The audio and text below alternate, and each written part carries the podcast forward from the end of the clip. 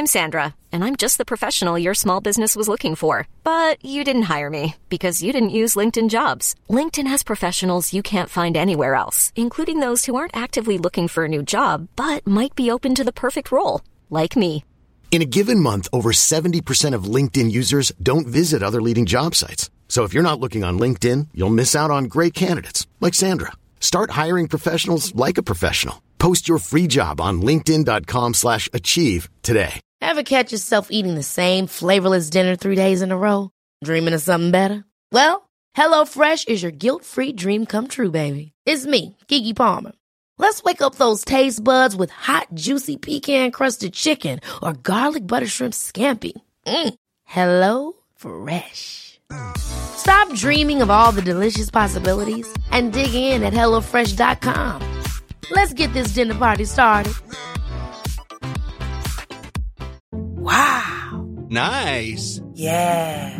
What you're hearing are the sounds of people everywhere putting on Bombas socks, underwear, and t-shirts made from absurdly soft materials that feel like plush clouds. Yeah, that plush. And the best part? For every item you purchase, Bombas donates another to someone facing homelessness. Bombas. Big comfort for everyone. Go to bombas.com slash ACAST and use code ACAST for 20% off your first purchase. That's bombas.com slash ACAST. Code ACAST. För mig är tillit, det handlar det om att våga. Man lägger ju sitt liv i någon annans händer. Eh, det är ju inte bara det här med att man kan hamna i en stridssituation, utan det handlar ju om att eh, man ska ha förtroende för den som kör fartyget i 30 knop inomskärs. Och, ja, det, det är ju en otrolig tillit man måste sätta till sina besättningsmedlemmar. Då.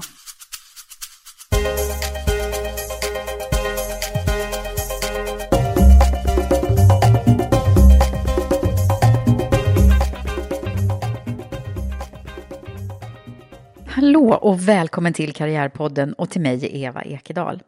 Det här avsnittet är det första i en serie som vi gör tillsammans med Försvarsmakten, där vi har en speciell frågeställning som vi tar upp lite extra mycket och försöker tränga djupare i. Och den här gången är det dags att diskutera vad tillit betyder för grupper och hur man som ledare skapar tillit i sin organisation. Och det får jag det stora nöjet att göra tillsammans med vår första svenska kvinnliga amiral, nämligen Eva Skog Hasslum, som numera också är vicerektor på Försvarshögskolan. Hon har en lång bakgrund inom det militära och har haft befattningar som flottiljchef för fjärde sjöstridsflottiljen och fartygschef på HMS Sundsvall, där hon bland annat eh, också var med i en utlandsmission i Libanon. Det ska bli så spännande och kul att höra mer om Eva och hennes tankar om ledarskap, tillit och förstås hur hennes egen resa har sett ut. Men då så, då kör vi!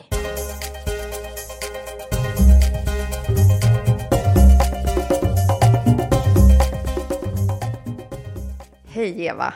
Hej! Väl, välkommen till Hej. Eva, ska jag säga ja, till dig också? precis. Ja. Eva och Eva, Eva och Eva. träffas nu för att spela in Karriärpodden. Mm.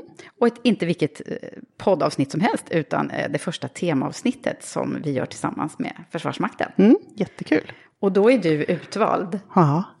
Och jag tycker det ska kännas, eller jag tycker att det känns så kul att få höra dig berätta om både om dig och om diskutera det här ämnet som vi ska prata om. Mm. Och, och det tycker jag därför att bara de här första minuterna har känts väldigt trevligt att vara med dig. Mm, vad kul. Ja. Roligt. Detsamma ska jag säga. Ja. Det är bara så här, ja, men ibland bara flyter det på. Lätt liksom. att snacka. Ja. Ja. Mm. Kanske beror på att vi har några liknande drag eller Ja, något. Man vet kan inte. vara något sånt. Men nu ska vi eh, lära känna dig. Och då tänkte Mm. jag att vi måste nästan börja. Jag tänker att vi kan väl börja med att att fundera över hur kommer det sig att du jobbar inom den, det området som du gör? Mm. Att jag är i Försvarsmakten. Ja, för du har ju gjort det nästan hela... Hela mitt yrkesverksamma liv. Så sen jag slutade gymnasiet Ja. så har man varit i Försvarsmakten. Hur gick det till? Ja, jag bestämde mig tidigt. Jag gick på högstadiet och eh, fick hänga med hemvärnet eh, ett, några år och eh, fastnade och tyckte att det där var superkul. Jag följde med en kille i klassen som var med i ungdomsgruppen i hemvärnet då. Och eh, tyckte det var jättekul att springa på nätterna och vara B-styrka åt värnpliktiga på F10. Jaha, Ute på F10, Bjär, vad är- F10 flygflottilj som låg, eh, låg eh, i Ängelholm då, på Bjärehalvön där jag är uppvuxen. Det är där du kommer ifrån. Mm. Det hörs ju inte jätte... Nej, jag har bott i Stockholm sedan 90 så det är väl kanske påverkat. Sen tror jag också att när jag är i Skåne så pratar jag mer skånska. Mm, just det. Mm. Ja, ska vi se om jag börjar prata skånska också Ja. snart, för det blir en sån här grej. Som, just det, Ja. man anpassar sig. Nej, så att det, och, och då blev jag väldigt sugen på det här med Försvarsmakten. Så jag hade, jag hade lite prao på F10 och sen så hade jag prao i flottan i Karlskrona. Och tyckte att det här med flottan var väldigt kul och jag blev lotta i flottan. Och eh, bestämde mig sen att söka gymnasielinje så jag gick fyra år i teknisk. Fast jag gick tre år bara för att jag snabbt ville göra lumpen då. Man räknade att man gick tre år då. Det blev ett sånt liksom Ja, tydligt. det var väldigt tydligt bestämt. Många skakade på huvudet och tyckte jag var jätteknasig som val. var det så? Ja. För det var ju inte så vanligt då. Nej, det var inte vanligt. Mina äldre syskon, framförallt mina bröder som hade gjort lumpen, tyckte nog det var jättekonstigt. Och min far tyckte det var jättekonstigt. Alltså, annars kunde man ju kunna tro att de peppade dig. Liksom. Nej, inte då. Inte då. Det kom nog lite senare. Då tror jag det kom en stolthet. Men det var nog senare när jag gick på officershögskolan eller något liknande. Då tror jag det kom. Men hur, är du yngst eller? Jag är yngst i en syskonskara av sex stycken. Mm. Stor familj. Ja, stor familj. Så att eh, det var väl också lite udda då att man stack ut och gjorde något sånt där. Det är ju så, småsystrar är ju lite wild and crazy brukar jag Mm. Ja, säga. vi får väl revoltera på vårt lilla sätt. då. Ja, just det. Men har, har du liksom, jag antar att du har fått reflektera några gånger själv över, Mm. Över hur dina val... eh, Ja, precis. Framförallt har man ju tänkt, vad hade, vad hade hänt om jag inte hade gjort det här? Det har jag nog tänkt. Det kan man ju bara spekulera i såklart. Jag har ingen aning. Men, eh, men det var ett stort steg att ta just där och då. Och så i efterhand kan jag ju känna mig jättestolt över att jag gjorde det. Fast det tänkte inte jag på då. Jag gjorde ju bara det för att det var spännande. Det var jättekul och Vad var det du tyckte var så spännande då? Jag vet inte riktigt, för att jag var ju inte någon... Alltså när jag var ungdom, jag var ju inte speciellt ordningsam eller något sånt där. Man skulle kunna tänka sig att det militära livet skulle locka för att det var ordning och reda och så. Men Ja, jag, jag var ju inte någon ordningsam människa. Jag var rätt så stökig i skolan. Jag struntade rätt mycket i skolan. Jag satsade absolut inte på några höga betyg. eller hade rätt kul. Jag hade hästar och, och liksom ägnade mig Mhm, åt det. Hästarna, ja, de kan vi, och det har, brukar jag kunna hitta i karriärpods. Ja, det har jag förstått att det är väldigt vanligt förekommande. Så att det var ju liksom mitt intresse. Nej, men jag var inte, jag var ingen som pluggade och så. Nej. Så att eh, det var Men fanns det några förebilder då? Eller sådär som Nej, du... egentligen, jag, det var någon, en och annan sådär. Men jag tror nu att det var mest det här spännande. Det var spänningen. Det var, det var något Mm. Och hemvärnet då som uppenbarligen Ja, då precis. gjorde några Ja. eh, bra grejer för Gillade att... att skjuta och sådär. Det, det var faktiskt jätte, jättekul. Ja.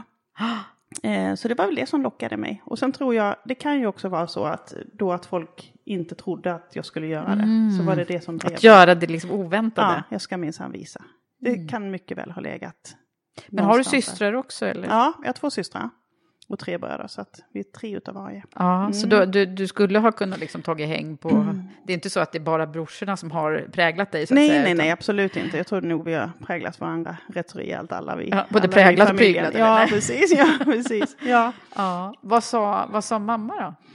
Ehm, ja, just där och då så vet jag inte riktigt om hon hade så mycket åsikt om det där heller. Alltså vi, jag är ju som sagt jag är yngst i en syskonskap, sex stycken. Och vi, alltså de hade ju rätt så tufft hemma. De hade åkeri hemma, eget företag. Men hon skötte ju allt. Hon, hade, hon skötte kontoret, hon skötte oss sex barn. Hon skötte hemmet och sådär. Så att jag menar hon, hon var nog bara jätteglad att man visste vad man ville göra ungefär. Ja. Men hon är ju min stora förebild. Alltså, det är så? hon Ja, nu hon kommer vi till det på ja, en gång här. Hon Mm. lever idag 89 år gammal och är hur pigg och fräsch och kul som helst. Liksom. Kan du se vad det är för egenskaper du har fått? Liksom, ja, av- absolut. Jag Ja. stod och pratade med eh, min son om det igår bland annat. Den Mm. här strävsamheten och den här lojaliteten liksom, som jag också kan känna igen hos honom. Mm. Det är nog den som jag ser. Lojaliteten. Ja. Ja, och just det här, lojalitet gentemot andra framförallt. Mm. Man strävar på, liksom, Ja. kämpar på. Den ser jag ju fortfarande hos henne, 89 år. Ah, otroligt. Ja. Okej, så du ser det kan mest spegla dig i mamma eller ser du vad du har fått av pappa också? Ehm, jag speglar mig nog mest i min mor, det tror jag nog. Men Mm. alltså, det är ju klart att det finns egenskaper hos min far också som, Mm. som eh, korta stubinen till exempel. Okej, där kryper det fram en sån. Ja, den är, den är väldigt tydlig också. Ja, Mm, inte speciellt långsint, men... nej. Men du har ju gjort en fantastisk karriär och är ju nu då den första kvinnliga eh, amiralen, har jag fått lära mig. Ja, precis. Flottiljamiral heter det. Ja, Ja. precis. Ja, det är jag. Mm, Det, vi ska ju få höra om hur den här karriären har, har gått till. Men om vi, om vi liksom följer det i kronologisk ordning. Hur, hur var det då i början där när du, när du kom in? För då I- kan jag tänka mig att det inte var så många andra tjejer. Mm, nej, det var det ju inte. När jag började, jag ryckte in i lumpen då 87, då sökte man ju då till ja, att få göra värnplikten, då, fast det heter ju frivillig grundutbildning då som tjej. Då fanns det ju en och annan kvinna som var fänrik. Eh, så alltså första graden om man säger på officersstegen, alltså officersgraderna. Ehm, det, det fanns det, men gjorde inte, det. inte fler. Det, det fanns det ju inte. Så det fanns ju inte så många runt omkring oss. Vi var några stycken som ryckte in och gjorde lumpen då. Vissa gick vidare och läste vidare på officershögskolan. Efter då vi hade gjort vår värnpliktstjänst. Ja. Ehm, men eh, ja, nej. det- Jag vet alltså det är så svårt att tänka oss, för det känns nästan som att det där var ett helt annat liv. Är- är För det så? Det känns så länge sedan. Det är så himla Men länge så sedan. länge sedan är det ju. Nej, det är ju inte det. Det är ju liksom, det är 30 år sedan i år sedan jag ryckte in i lumpen. Men ibland när man tittar på bilder så, här, så kan man liksom inte förstå att, där, att man själv har gjort allt det där. Jag, Men- alltså, jag tror att jag var rätt omogen, jag var 19 år gammal. Och jag har vuxit upp liksom i, ja, ute på landet. Skånska myllan. Ja, precis. Och jag tror att det där var ju verkligen ett sätt för mig. Det var på något sätt att komma ut i världen. Det var att liksom få göra lumpen och få träffa andra Ja. typer av människor. Så Men att, minns eh, du någonting hur det var sådär kulturmässigt och sådär? Hur du upplevde det att vara tjej i, i Ja. väldigt många män? Alltså jag, på det sättet har jag nog alltid varit rätt så eh, stark är kanske fel ord. Eh, för det låter precis som att man kan allting och det, det är inte så jag menar. Men jag har alltid varit rätt så tydlig och öppen med vad jag tycker och känner och sådär. Jag har- Det är också någonting som jag tror att jag har ärvt av min far då. Att man inte har varit speciellt konflikträdd utan man vågar säga ifrån då. Och det tror jag har gagnat mig eh, ända sedan. Så att, eh, inte så att jag, jag vet inte, det får andra bestämma om jag var kaxig när jag var 19, det vet inte jag. Men jag upplevde inte klimatet speciellt svårt och jobbigt. För att var det något litet problem, ja men då löste man det. Eh, sen det är klart att det kanske fanns vissa strukturer eller något liknande. Men jag upplevde aldrig att det var speciellt jobbigt. Sen det som jag kan nu så här i efterhand känna igen, det var att jag tror att det var väldigt många män som, eftersom det var så ovant att ha kvinnor i, i Försvarsmakten, mm så var det så många män som var så rädda för att göra fel. De var rädda att säga fel eller göra fel för att de visste att då, ja, Ja. skulle det kanske komma några repressalier. Så det var väl snarare det, den här försiktighets... att de inte riktigt visste hur de skulle Nej, det blev en hantera. osäkerhetskänsla istället. Ja, just det. Ja, för då kunde till exempel det vara så här, kan vi lägga tjejerna på samma logement? Eller ska vi ha tjejerna blandat med killarna på logementen? Den här typen av frågor som egentligen inte är så stora, men som blir stora. Ska vi ha duschdraperier? Är det Ja. viktigt? Alltså det, ja, du hör själv, det är... Ja, Det måste ju vara en massa nya frågor. Mm. moment som Ja. man inte har behövt fundera över. Precis. Och, och som, vi kan ta en sån här sak som duschdraperier, för det är så löjligt.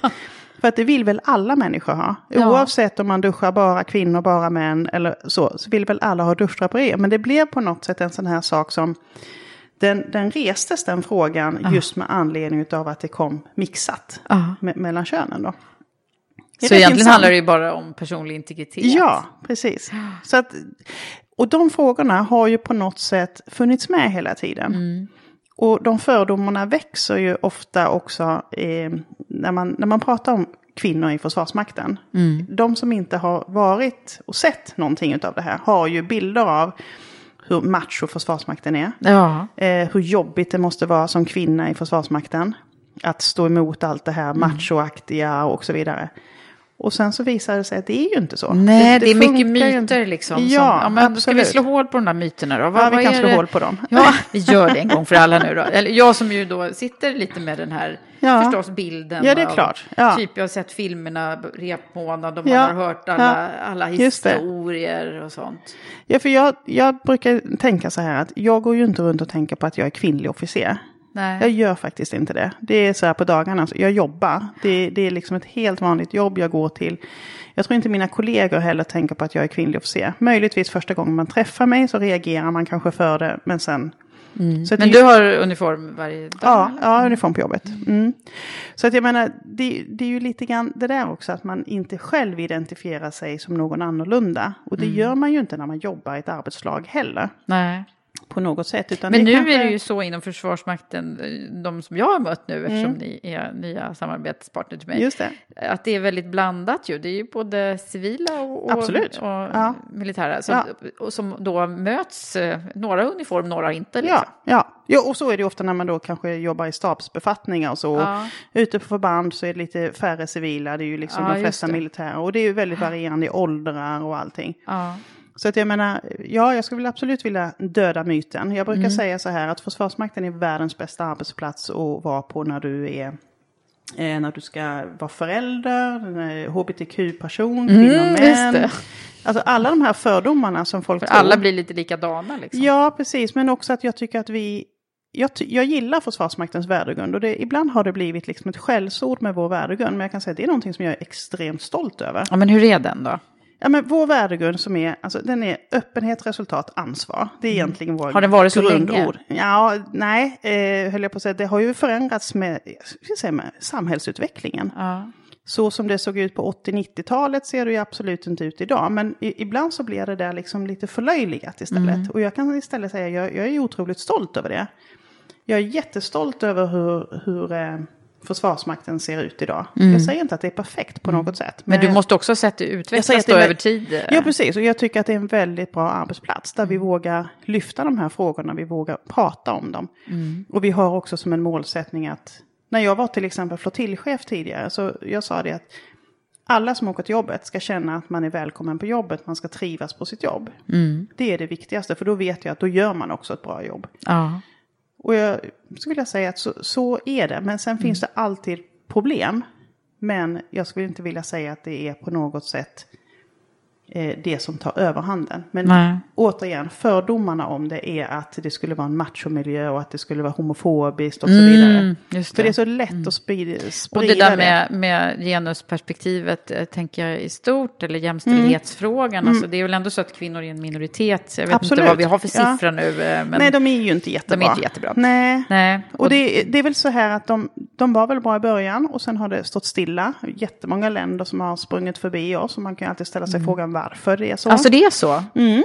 eh, Norge skulle jag vilja säga är ett sånt land. De ligger före? Ja, eh, och de har ju tagit ett, ett stort kliv framåt nu i och med att de införde en, eh, en könsneutral värnplikt förra året. Så de har tagit ett jättekliv uppåt eh, i och med det. Men de har gått om oss liksom tidigare också. Och man kan alltid spekulera vad det beror på. Så, det kan bero på arbetsmarknaden eller vad det än är. Men, Ja. men samtidigt Men ni så... jobbar ju på frågan nu. Och Ja, det är bland annat eh, absolut. därför vi samarbetar så bra.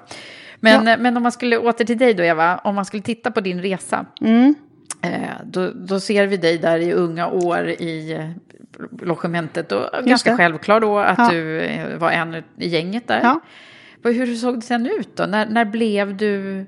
När kom du på att du skulle bli ledare inom Försvarsmakten? Ja, nu när du sa hur såg det ut så tänkte jag så här, jag hade grå slingor i kortklippt hår, det var fruktansvärt fult. Sen hade jag någon sån här Carola Häggkvist frisyr också, permanentat kortklippt sådär, det var också sådär. Jag tänkte hur jag såg ut. Eh, ja, nej, hur jag såg på mig själv. Ehm, eh, ja, men jag, jag trivdes ju så himla bra. Eh, jag trivdes jättebra när jag gjorde värnplikten. Eh, jag hade en dröm att få gå på officershögskolan. Och jag brukar säga så här att det är nu enda gången i hela mitt liv jag har satt upp ett mål. Alltså ett yrkesmässigt Det var det mål. du såg framför dig? Gå på officershögskolan. Det tyckte jag det var. Det var Vad var det som var grejen med Ja, men jag vet inte. Jag, vet, jag kan faktiskt aldrig sätta fingret på vad det var. Utan Hade det du var- varit det var- där eller nej, det var, några andra? Nej, det var fortfarande den här spänningen att liksom, efter lumpen söka in på officershögskolan Mm. och få gå där. Och få bli då fänrik och sådär. Mm. Så att det var väl det som lockade mig. Det var, jag tror att det är kamratskapen. Mm. Man, har, man jobbar ihop och känner varandra så, lär känna varandra så in i spisens bra. Mm. Eh, så in i spisen bara så att man verkligen vill jobba tillsammans och ha roligt på jobbet.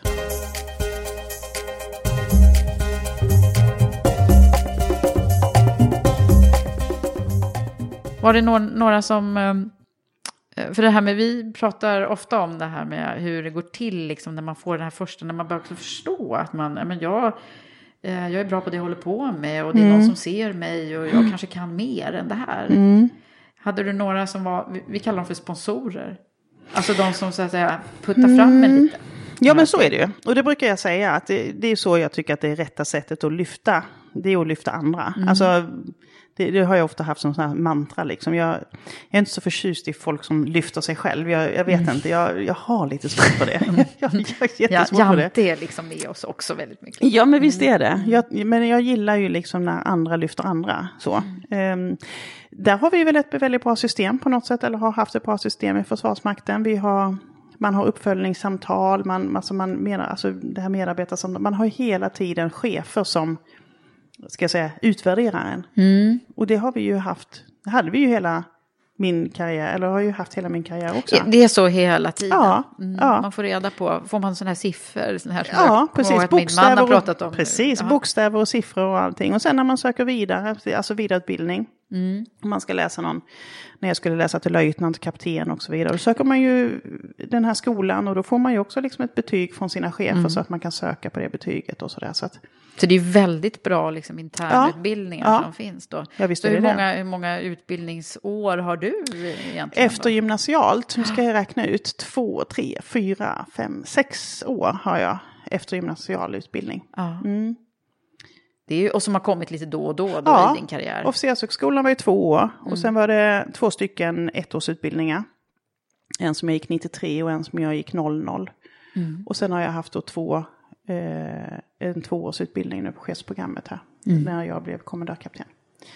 Så att, och sen har man ju haft små kurser också, alltså man kan gå på veckobasis eller något liknande. Gud, det är en helt sån här... eh, Det är mycket att lära sig för någon som inte har varit Ja. inne i... för- Bara hur Man vad kan liksom, se- ja. nivåerna heter. Man kan ju säga så här att de som läser på officersprogrammet idag, Mm. alltså det som heter officershögskolan när jag gick, de, de får ju eh, alltså sina 180 högskolepoäng, alltså som motsvarar Ja. egentligen en kandidatexamen. Just det. Eh, och sen när man läser sin vidareutbildning så är tanken i framtiden nu då, nu jobbar jag med den här typen av frågor. Ja, du jobbar ju där. Så att då är tanken, då plockar man en master egentligen sen. En Kommer det att bli också master. motsvarande? Ja, precis. Då kommer man att kunna plocka ut en mastersexamen då. Häftigt. Eller magister, ja precis. Ja. Så att om man nu ska jämföra det med Ja, civila just mått mätt då. Ja. Men om vi tittar på själva jobbet då, Eva. Vad är det som har varit, eh, jag brukar alltid fråga det, vad är det som har varit Mm. det allra roligaste om vi börjar där? Ja, men det är gemenskapen. Är det någon speciell eh, liksom, gång som du känner? Något speciellt Ja, men jag, jag, är ju, jag är ju fostrad i flottan. Ja. Så att det är ju det här med att vara till sjöss. Det, det, har det också varit en grej från början? Eller? Ja, det har det varit. Nu är jag ju uppvuxen vid kusten i och för sig. Mm. Eh, så det har väl alltid varit en lockelse till havet sådär.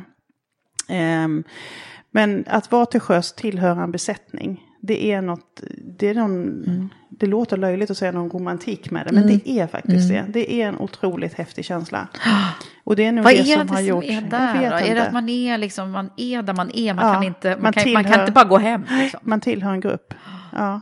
Och jag tror att det är, det är det som har gjort. Man, sen har ju det där vuxit fram. Alltså ju äldre man blir desto mer börjar man ju förstå vad man jobbar med. Att Försvarsmakten är något otroligt viktigt. Så. Att det börjar komma mycket mer, ska jag säga, starkare värderingar. Alltså när man har lämnat det här 20-årsstadiet. Ja, just det, när det bara var spännande häftigt. allting. Ja, allting var häftigt och det var Ja. kul att skjuta.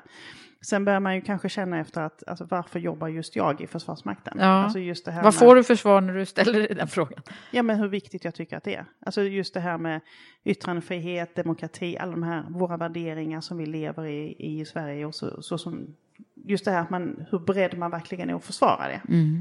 Eh, med sitt liv. För det är ju faktiskt det, Mm. Det är det det vi gör. Men har du varit i situationer där det har varit prekära lägen? Eh, ja, men jag skulle säga absolut inte som jag tror som många andra har varit. Eh, men visst, vi har varit i flera skarpa situationer, det har vi ju varit. Mm. Men eh, Har du varit, du har varit utomlands också? Ja, vi var på eh, mission när jag var fartygschef. Eh, då var vi på mission utanför Libanon och patrullerade libanesiska kusten i, i fem månader. Hur var det? Det var också spännande. Eh, det var ju otroligt intressant rent ska säga, beteende vetenskapligt sådär, alltså så, beteendemässigt. Just när man, jag brukar säga det, men det är 42 människor på en, en sardinburk på 57 meter lång. 57 Ja. meter lång sardin, sardinburk. Då lär man känna varandras Då lär man alla känna, sidor. ja, verkligen. Jättespännande, varierande Var du chef där då också? Då var jag fartygschef, ja precis. Jätteintressant, det bästa jag gjort i hela mitt liv tror jag. Och jag skulle kunna göra det med den besättningen hur många gånger till som helst. För att Mm. det var otroligt, det var spännande, det var intressant, alltså det var lärorikt, kul. Jättekul var det, ja. Det, Det låter ju så här... har, kan, du berätta hur, hur, hur är, ser ett chefs, fartygschefsjobb ut då? Ja. Eh, Vad gör man liksom? Ja, vad gör man? Det skulle nästan andra beskriva. Ehm, Så kan jag säga, då gör man ingenting, då bara går man runt och är. Nej, låter alla Nej, men andra här, jobba. Nej, men alltså, Ringer i en revelj och alla ska gå upp. Ja, Nej, det hade jag varit vet bra. inte. Jag har ju helt fel föreställningar om hur saker och ting går nej, till. men då var det så här att vi hade en bas eh, på Cypern. Eh, där vi gick då och låg stilla ett par dygn kanske. Sen så gick vi ut i området och så patrullerade vi där ungefär i, ja, en knapp vecka. Under den veckan då gick fartygets besättning gick i sex timmars vakter då. Så att antingen så sov man i sex timmar eller så var man vaken och tjänstgjorde i sex timmar. Och när man tjänstgjorde då, då kör man fartyget eller så jobbar man i maskin eller så finns det kockar som lagar mat eller så jobbar man i stridsledningscentralen och så vidare. Fartygschefen är ju en som inte går de här sex timmars vakterna utan fartygschefen är ju ja, vaken när man behöver vara vaken om man säger. Tjänstgör när man behöver. Och just för att kunna ha lite mer helikopterperspektiv och kunna tänka lite längre fram också, ja, se helhet och så vidare. Sen hade vi ju vaktchefer då på respektive då sex timmars pass som ansvarade liksom för ja, beredskapen egentligen ombord på fartyget. För att vi är ju beredda på att allting ska kunna hända. Men hände det någonting under den här? eh, Det hände perioden? några eh, små incidenter så här, som skulle kunna blivit större än vad det blev. Men nu, nu blev det inte det. Då. Men, men just det här, vi är ju på tå hela tiden. Vi visste ju det att skulle vi få till exempel en sjömålsrobot mot oss då pratar vi ju liksom om knappt en minut egentligen. Eh, som vi har någonting där vi kan göra några åtgärder på. Så att det är ju inte så där att man sitter där och kopplar av precis. Utan man är på helspänn. Man är, man är ute i, liksom i ett riktigt område där, där det faktiskt kan hända saker. Men hur länge var du borta sa du? Fem månader var vi borta. Ja. Mm, det är ju långt. Hade du familj då eller? Då hade jag familj. Ja. Så att eh, yngste sonen han var drygt fyra och den äldsta var nio. Så det var en utmaning kanske? Det var en utmaning också. Den yngste kommer ju inte ens ihåg att jag har varit borta. Nej. Så jag brukar säga det att ska man åka iväg ska man åka iväg när barnen är ungefär den här åldern. För Ja. de, de minns ju inte det ändå. Nej, precis. Kanske jobbigt för de som är hemma. Men, Ja. Men har det varit flera sådana långa pass? Som du har? eh, inte så långt pass. Sen har man ju varit ute på ett antal eh, övningar. Eh, som har varit på flera veckor. Och sen ibland har vi varit ute på insatser också. Då vet man ju kanske inte riktigt när man kommer hem heller. Nej. Så att familjen är rätt så van, de är rätt härdade. Eh, och det är väl nästa så fråga som man ofta får, det är liksom hur, hur får man ihop det där. Men jag skulle säga, man får, det gäller nog för alla, man får, höll jag på att säga, välja rätt partner också. så, Att, nej men att det funkar helt enkelt. Man, jag brukar säga så här, man måste utbilda sina anhöriga vad man jobbar med. så att an, de anhöriga förstår att helt plötsligt så försvinner jag kanske hemifrån och jag vet inte när jag kommer hem. Nej. Och det måste funka hemma ändå. Just det. Och den där frågan är ju så... Nu vet jag inte hur jag... Jag brukar tänka mig för lite, för det är så här typiskt grej att man frågar kvinnor. Kvinnor, ja. Mm, vad- hur de ska man få ihop. där att gå ihop. Eh, så det, var ju, det var ju fel av mig faktiskt. Nej, men det, nej, men, och jag tror att jag tror att den frågan är ju högst relevant. Alltså för att det är många kvinnor som funderar på det. Men jag brukar nog säga att det är nog lika många män som funderar på det egentligen. Fast de ställer inte frågan Nej, just det. faktiskt. Och jag tror att det där förändras ju rätt mycket. Har ju egentligen förändrats mycket bara kanske de senaste tio åren också. Eh, men eh, ja, nej men som sagt, livspusslet ska ju funka för alla. Ja. Alla i familjen. Och eh, ibland så får man ju kanske växeldra karriärsmässigt. Om, man, om man är två stycken. Vad gör din man? Han är egenföretagare, entreprenör.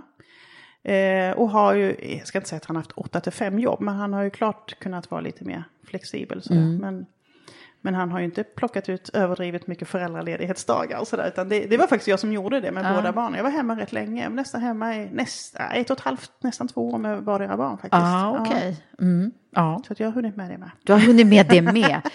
Och en massa annat. Om man tittar på, Ja. Mm. på karriärsvägen då, som sagt var. Så hur gick det till sen då? Från fartygschef? Vad... Ja, och det var ju tio år sedan eh, som jag slutade med det. Ehm, ja, men alltså vägen fram till fartschef, det var ju mycket olika befattningar eh, på fartyg. Eh, så jag gick i land då när jag fick barn. Jobbade lite som lärare, jag var lite grann på högkvarteret på staben där och så vidare. Men jag kände att jag var liksom inte riktigt klar med det här med sjötiden. Jag längtade faktiskt ut till sjöss igen. Och det var väl många som tänkte att det där För det, där var jag också pionjär. Har jag, det fattade inte jag då. Men eh, nu har jag fått det berättat. Det är faktiskt eh, kollegor som har sagt det till mig. Att de tänkte för det, de flesta kvinnor när de fick barn så stannade de kvar i land. Jaha, då blir det inget mer liksom, Nej, då stannade man kvar i land. Eh, men jag valde att gå till sjöss igen och det är, det är kul att se för det är flera kvinnor som har valt att göra det efter mig också. Ja, du är, går liksom i bräschen verkligen. Ja, jag har inte fattat det Men- och jag vet du, inte hur- heller om hur- det har hur- med det att göra. Det är ju lite spännande. Här sitter jag nu med, med den första svenska kvinnliga amiralen. Ja. Och, och liksom, hur, hur, hur tänker du kring det? Ja, men jag gör ju inte det. Jag bara, alltså jag, jag kör ju på och jag, jag har inga som helst funderingar. Utan det är ju, ehm, det var ju först liksom när eh, Jenny, som hon heter, som hon berättade, alltså min kollega då, som berättade för mig att det var, det var jag som hade fått henne att förstå att man Ah, faktiskt kunde göra det. ah. Så, eh, så jag, jag tänker inte så, utan jag gör nog det som jag känner passar för mig just där och då. Så också att jag har haft människor runt omkring mig som har trott på mig. Och tyckt att jag skulle gå ut och sjöss igen och så vidare. Jag har det är den sagt där att- liksom promotion Ja, precis. som man... Ja. Så att, ehm, ja. Har, har du funderat över eh, vad, vad du själv har för liksom, drivkrafter? Eh, att, att bli, eh, liksom, ta ytterligare steg i ledarskapet? Nej, jag har ju inte det. Och jag har, alltså, det är ju också, det låter så otroligt löjligt känner jag när jag själv säger det. Men jag har aldrig haft den här drivkraften att jag vill gå vidare. Eller jag har inte haft den här och jag vill stiga i graderna. Nej, det är Jag inte har- liksom gradbeteckningarna. För, Nej. Men, men har det varit så historiskt sett i, i, inom militära att... att Jag tror att det är rätt vanligt att man, man, lite nidbilden är väl också, en myt till, är väl att... eh, Lite maktposition- ja, ja, eller maktbegär. jag, jag, Det jag, tror jag trodde att det, liksom, att, att det ganska, åtminstone historiskt sett har varit ganska hierarkiskt. Ja, jo men det är klart att det är. Det är väldigt hierarkiskt, det är det. Men jag har aldrig, eh, ska säga så här, jag jag, har, jag har nog velat bli pushad. Alltså jag vill att folk säger till mig att Eva nu tycker jag att du ska söka det här jobbet. Jag har inte sökt det själv annars. Nej, det har alltid varit någon som har sagt så till dig? Ja, Okej. jättelöjligt, men så är det. Ja, men då har du varit omgiven av sponsorer. Och kanske då också en fördel av att du är kvinna. Är det så? Absolut, absolut. Jag har ju aldrig behövt profilera mig på det sättet för att alla har på något sätt vetat vem jag är ändå. Ja, du är liksom känd. Ja, jag har, ja men det faktiskt. Jag har, jag, jag har inte behövt eh, så jag ska säga, spela ut någonting Nej, sånt. Just nej. för att de vet vem jag är ändå. Jag, ja, jag, jag tycker att jag syns lite för mycket. Så att jag försöker nog hellre kanske dra mig undan då. För jag tycker att jag är ju där i rampljuset hela tiden ändå. Är det så? Ja, jag tycker faktiskt. Ja. Vad, vad, vad säger folk till dig då, dina kollegor? Så här? Om, Nej, om men- det där, liksom, att du är Jag får synlig. jättemycket ryggdunk, alltså verkligen. Eh, och jag vet ju inte riktigt vad de säger när jag inte lyssnar. Nej. Men, nej, men jag, får, jag får mycket ryggdunk och, jag, och jag, det är klart att det peppar en. Det gör Mm. ju det. Men jag vill ju att mina chefer ska säga till mig att vi tycker att du ska göra det här. Mm. Eh, och jag tror att de flesta människor funkar så på något sätt. Man vill gärna bli eh, bekräftad eller vad jag ska säga. Men man vill gärna veta. Mm. Ehm, sen är det säkert så att man har olika sorters drivkraft. Vissa, vill verkligen gå vidare. Mm. Ehm, Men vad, alltså, när du tänker på de här bästa stunderna då i, Mm. eh, i ditt, eh, ditt jobb över, överlag, då kom det där med eh, fartygs... ja, fartschef. Fartygschef Ja. är absolut helt outstanding.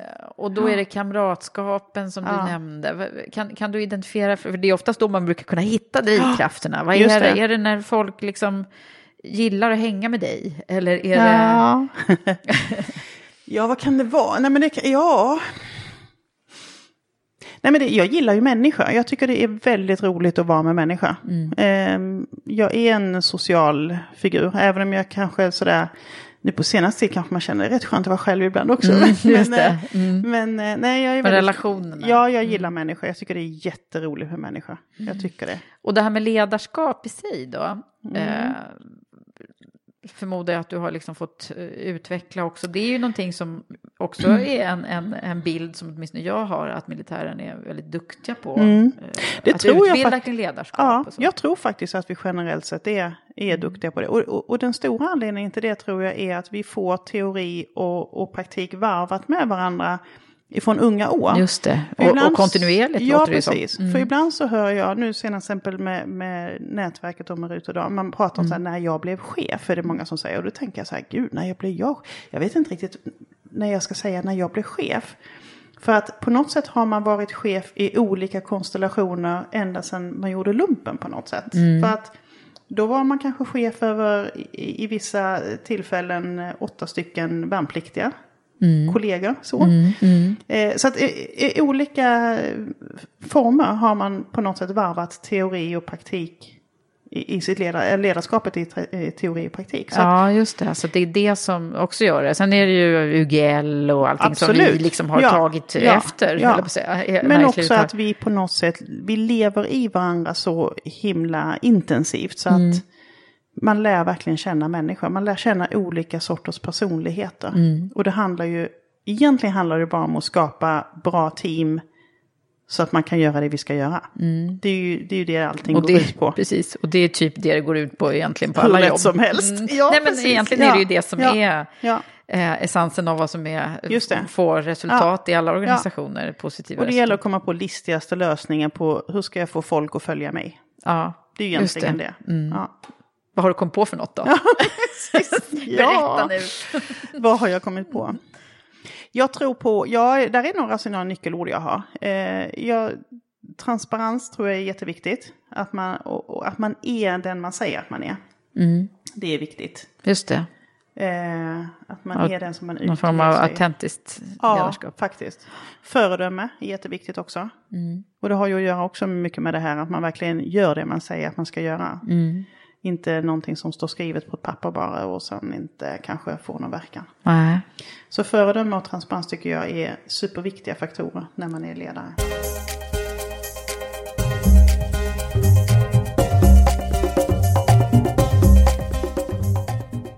Du Eva, vad, vad, vad är det, jag, nu har jag frågat en massa så här, vad är det roligaste, vad är det, vad är det bästa, men vad, Mm. vad, vad, vad, vad har du för, för jag förmodar att du också har några tuffa stunder i både i livet och yrkeslivet. Vad, vad är det som, Ja, som har, för det är oftast då man pratar om, det är då man Mm. lär sig grejerna. Och, absolut. Ja men så är det. Det är ju de jobbigaste stunderna som man har lärt sig. Jag Ja. tycker ändå, ibland kan man tycka så här, gud vad bra jag har det. Alltså jag har det bra förspänt, jag har bra familj och liksom bra vänner och bra kollegor och allting. Så att jag, jag känner ju att jag har ju det väldigt lyckligt på något sätt. Eh, jag, har liksom, jag är lyckligt lottad kan jag tycka. Så jag, jag, jag skulle säga, jag har inte speciellt mycket liksom så här tragiska historier. Det, det vill jag inte påstå. Nej, nej. Däremot så kan jag, jag kan tycka att det är lite jobbigt ibland att vara lite grann som du säger, första kvinnliga amiralen, Mm. jag var första kvinnliga kommendören. ja, men det är alltid så här, man är alltid första eller andra. Nej men just det här att man syns hela tiden. Mm. Alla vet vem jag är. Ehm, jag känner att jag blir citerad, jag känner att jag blir felciterad, eh, missförstådd ibland. Nej, men så här, Folk som kanske inte vet vem jag är egentligen. Och så kanske jag säger någonting i ett helt annat sammanhang. Och så, ja, du vet, så, så den kan jag ibland vad, vad handlar där det har jag om? svårt att, att rycka på axlarna åt. När jag, när jag kanske blir missförstådd utav någon som inte känner mig. Ja. Och så har jag kanske sagt någonting i ett sammanhang och så känner jag så här, men det där är ju inte jag. Nej, Den kan jag tycka är jobbig. Och det är ju någonting jag måste jobba med själv. För att det där är ju otroligt löjligt. Alltså du tar, tar in det lite? Ja, då det gör jag nog. Ja. Mm. Det är nog ett... eh, Det, det kan jag tycka är jobbigt. Och, och det är just det här att folk vet vem man är. Faktiskt. Ja. Jag ibland Skulle tänker, du hellre vilja vara liksom anonym? En i mängden. En i mängden. Ja, det skulle vara jättemycket skönare. Och det är därför det är så viktigt tycker jag att vi blir fler kvinnor. Faktiskt, det är en av anledningarna till det. Man kan säga så här, varför är det så viktigt att få in jag säger inte att det måste vara 50-50, men alltså man säger så här, men vi har ju kvinnor, varför måste vi in fler? Och då kan jag tycka så här, ja men det där är faktiskt en grej, för att man är så utsatt hela tiden. Eh, just det här när man lyckas eller misslyckas och så vidare. Så Man är utsatt i alla lägen. Ja, och det, och det, Granskad. det skiljer sig Synad. ju liksom inte från, alltså det, det, alla, for- alla forskningsrapporter som kommer om, om jämställda Ja. organisationer överhuvudtaget så handlar det ju om att de blir mer effektiva, absolut. eh, det blir bättre kundnöjdhet, medarbetarnöjdhet, resultat, Ja. allting. Ja. Liksom. Så att det Och måste har- gälla samma hos er då. Ja, precis. Jag menar, vi har ju en uppgift att fylla Mm. i Försvarsmakten. Och jag menar, vi ska verkligen vara effektiva. Mm. Vi har skattebetalars pengar som vi, ska, som vi ska ta hänsyn till. Och vi har ett otroligt viktigt jobb att göra. Det är Mm. klart att det är superviktigt att vi är effektiva. Ja. Och de manliga Det är kollegorna. vi också glada för. Ja, precis. Ja, Men du, eh, nu ska vi närma oss ja. den här te- temapodden som Ja. vi faktiskt håller på med, du och jag. Men jag tänkte att vi måste lära känna dig lite först. Men temat är ju det är så roligt, det är ju ordet tillit som vi nu har jobbat med i Karriärpodden i fem eller sex avsnitt tror jag det är, som jag har ställt frågan till, till mina gäster. Samma fråga, och den kommer ju då från Försvarsmakten. Eh, Det är ni som har bestämt hur frågan ska vara. Just det. Eh, Och det är ju tillit, det, eh, det tänkte jag på, det ordet tillit, det är ju ett palindrom Hey Dave, Yeah, Randy. since we founded Bombus, we've always said our socks, underwear, and t shirts are super soft. Any new ideas? Maybe sublimely soft. Or disgustingly cozy? Wait, what? I got it. Bombus. Absurdly comfortable essentials for yourself And for those facing homelessness. because one purchased equals one donated. Wow, did we just write an ad? Yes. Bombas. Big comfort for everyone. Go to bombas.com slash ACAST and use code ACAST for 20% off your first purchase. Hold up. What was that? Boring. No flavor. That was as bad as those leftovers you ate all week. Kiki Palmer here, and it's time to say hello to something fresh and guilt-free. Hello Fresh. Jazz up dinner with pecan-crusted chicken or garlic butter shrimp scampi. Now that's music to my mouth. Hello Fresh. Let's get this dinner party started. Discover all the delicious possibilities at hellofresh.com. I'm Sandra, and I'm just the professional your small business was looking for. But you didn't hire me because you didn't use LinkedIn jobs. LinkedIn has professionals you can't find anywhere else, including those who aren't actively looking for a new job but might be open to the perfect role, like me. In a given month, over 70% of LinkedIn users don't visit other leading job sites. So if you're not looking on LinkedIn, you'll miss out on great candidates like Sandra. Start hiring professionals like a professional. Post your free job on linkedin.com slash achieve today. There's never been a faster or easier way to start your weight loss journey than with PlushCare. PlushCare accepts most insurance plans and gives you online access to board-certified physicians who can prescribe FDA-approved weight loss medications like Wigovi and Zepbound for those who qualify.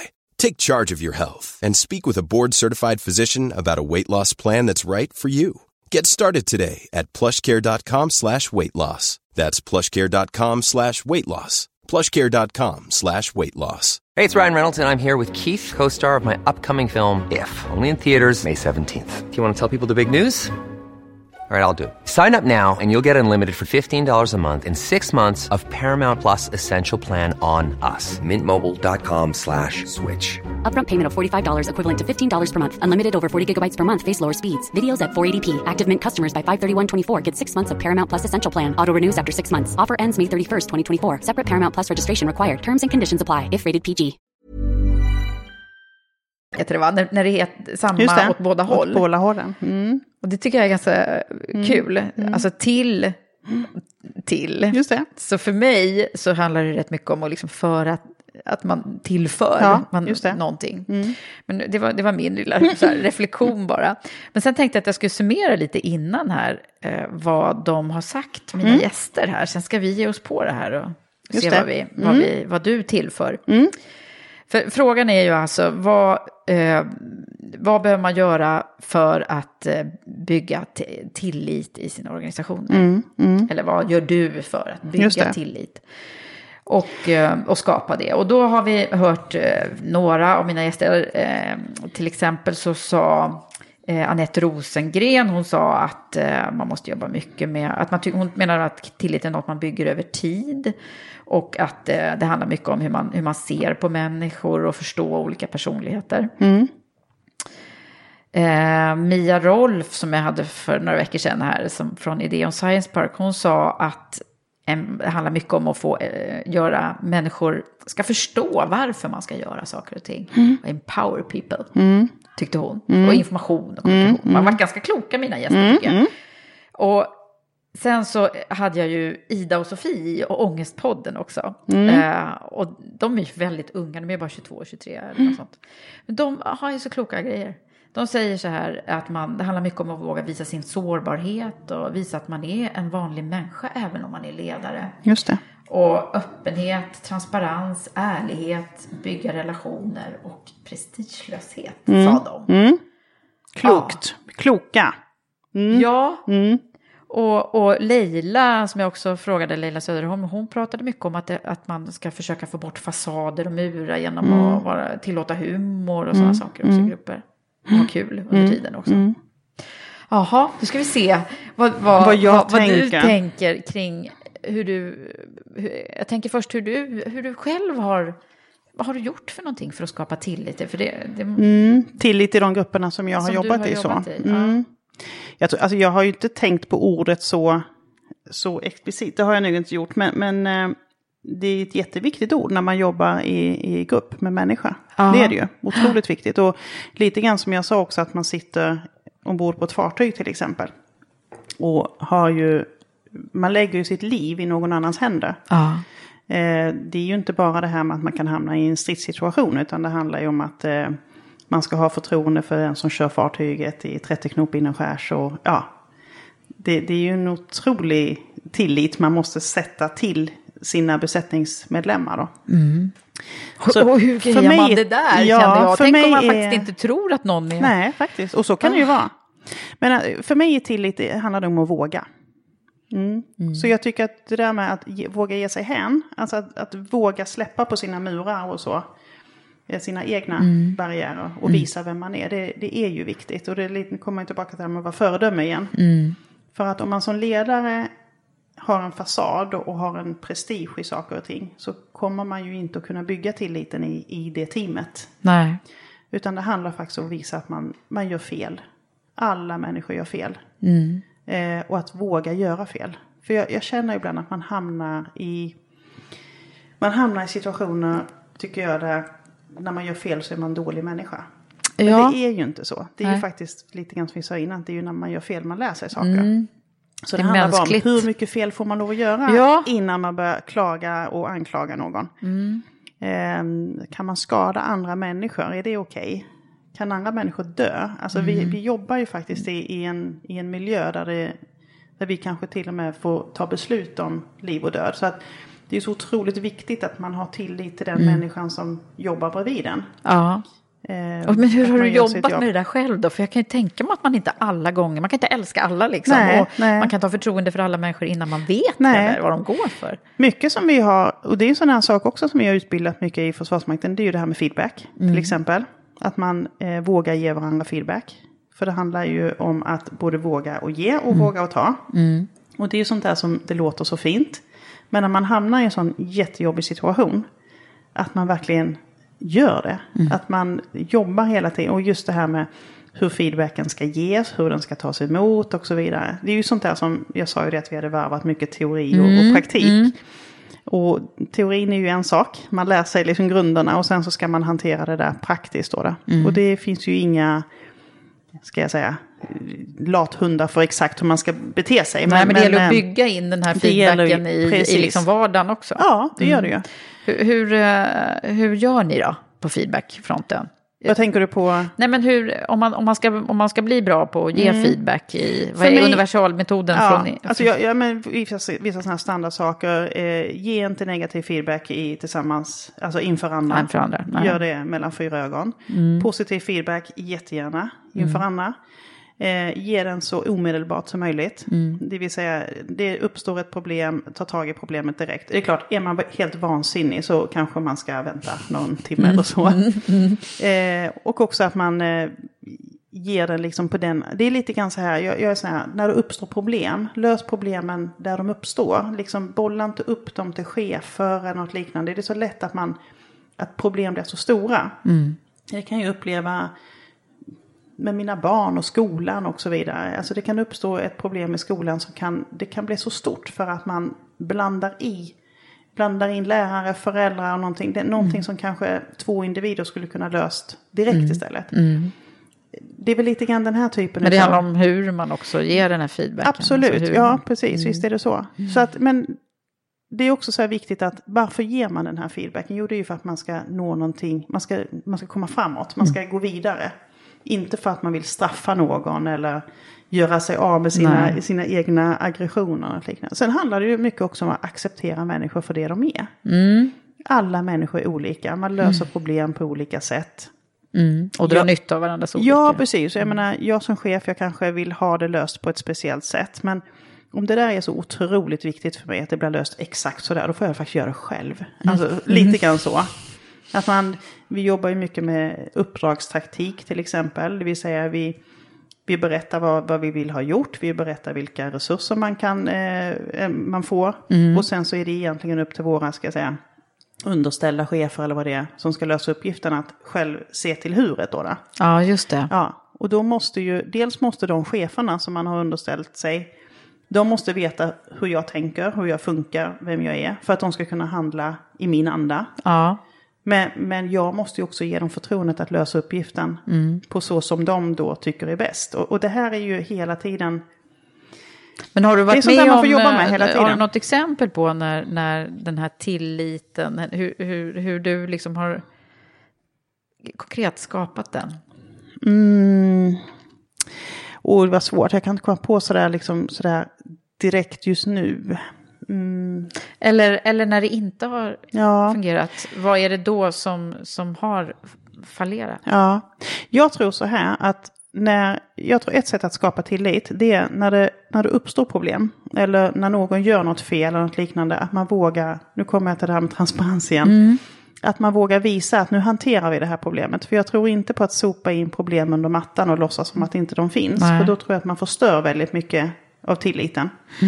Så att upp med det på bordet. Upp med det på bordet, lös problemet och så går man vidare. Det tror jag är liksom... Så är du, eh, uppfattas du som väldigt direkt där i de Ja, jag sammanhangen? tror att eller? jag- Så bara, ja, nu tar vi det här. Ja, jag tror att det är nog det. Så jag... konflikträdd är ingenting som man skulle sätta något epitet på dig? Nej, det tror jag inte. Nej.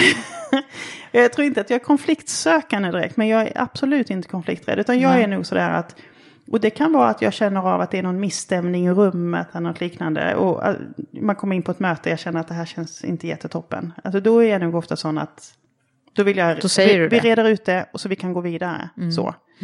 Ehm, för jag tycker att det, det där är sånt grus i maskineriet när Mm. man ska vara effektiv. Mm. Då, då tycker jag att då är tillit ett viktigt ord. Alltså, jag måste kunna lita på mina medarbetare och mina medarbetare måste kunna lita på mig. Mm. Eh, I hela kedjan. Alltså, Mm. Oavsett om jag är underställd någon eller om jag är chef eller något liknande. Alla Mm. måste liksom kunna ha, ha det förtroendet. Men också respekten för att som sagt att vi, man är olika. Men jag tänker, alltså, det, det är ju säkert samma sak eh, vart man än jobbar, men, men det du beskriver också när det handlar liksom om eh, de situationerna som ni ställs inför Mm. eller kan ställas Mm. inför. När det handlar om liksom liv och död. Hur hanterar man det om man, om man, känner, om man, om man nu eh, måste lita på någon som man faktiskt inte litar på? Ja. Det kan Gör man man, det ändå? ja, men jag har hamnat i sådana situationer. Och, och, och ehm, en gång så, utan att man ska berätta allt för mycket om, tydligt om speciella situationer, men eh, en gång så var det faktiskt så att det, det var en som mönstrade av. Alltså just det här, man har inte förtroende för någon. Och, och då, då kanske man inte kan jobba tillsammans. Alltså det, man, man, man försöker så långt man kan. Mm. Men när det inte går längre, då måste man vara så ärlig mot varandra Mm. och säga att det här funkar inte.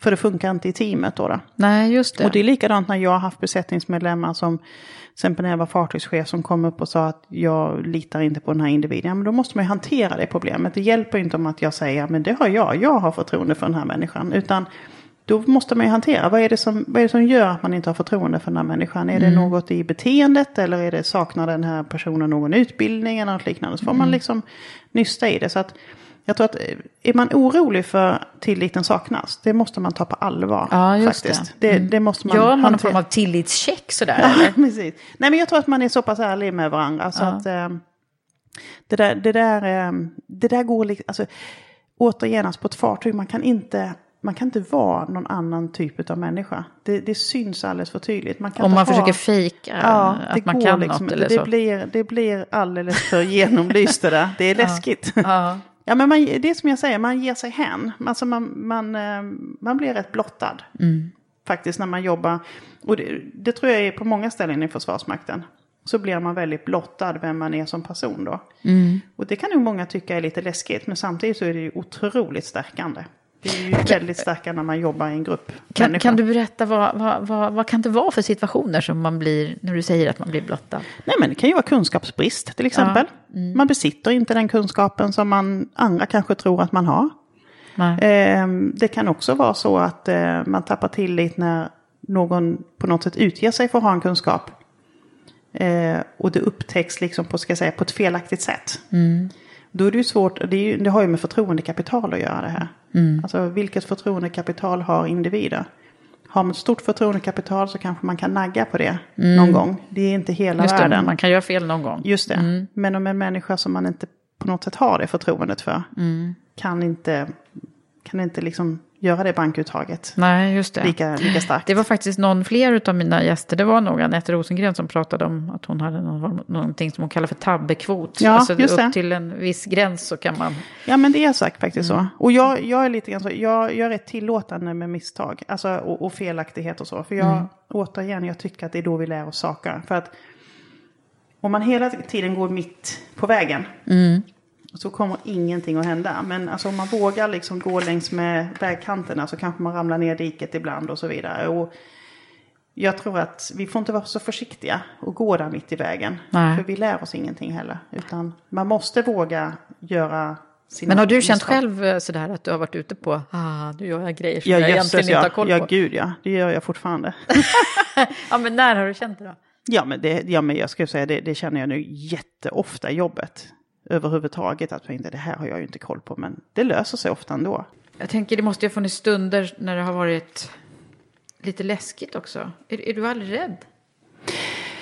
Ehm, jo, jag har säkert varit rädd väldigt många tillfällen. Det, det är jag helt övertygad om. Ehm, när man är chef så är man rätt ensam. Man är ensam om att fatta beslut. Det är väldigt sällan man har någon där som man kan på något sätt lämna över ansvar. Man, man har folk man kan bolla med. Mm. Men väldigt sällan man har någon som kan lämna över ansvaret till. Det är ju liksom det som ligger i sakens natur. då. Ja, och kanske extra mycket på ett fartyg. Ja, absolut. eller? Ja. Det finns liksom. Så att när, vi, när man är fartygschef och jag måste faktiskt säga att jag var aldrig rädd när jag var fartygschef. Ehm, däremot har jag varit rädd när jag har ingått i besättningen i övrigt.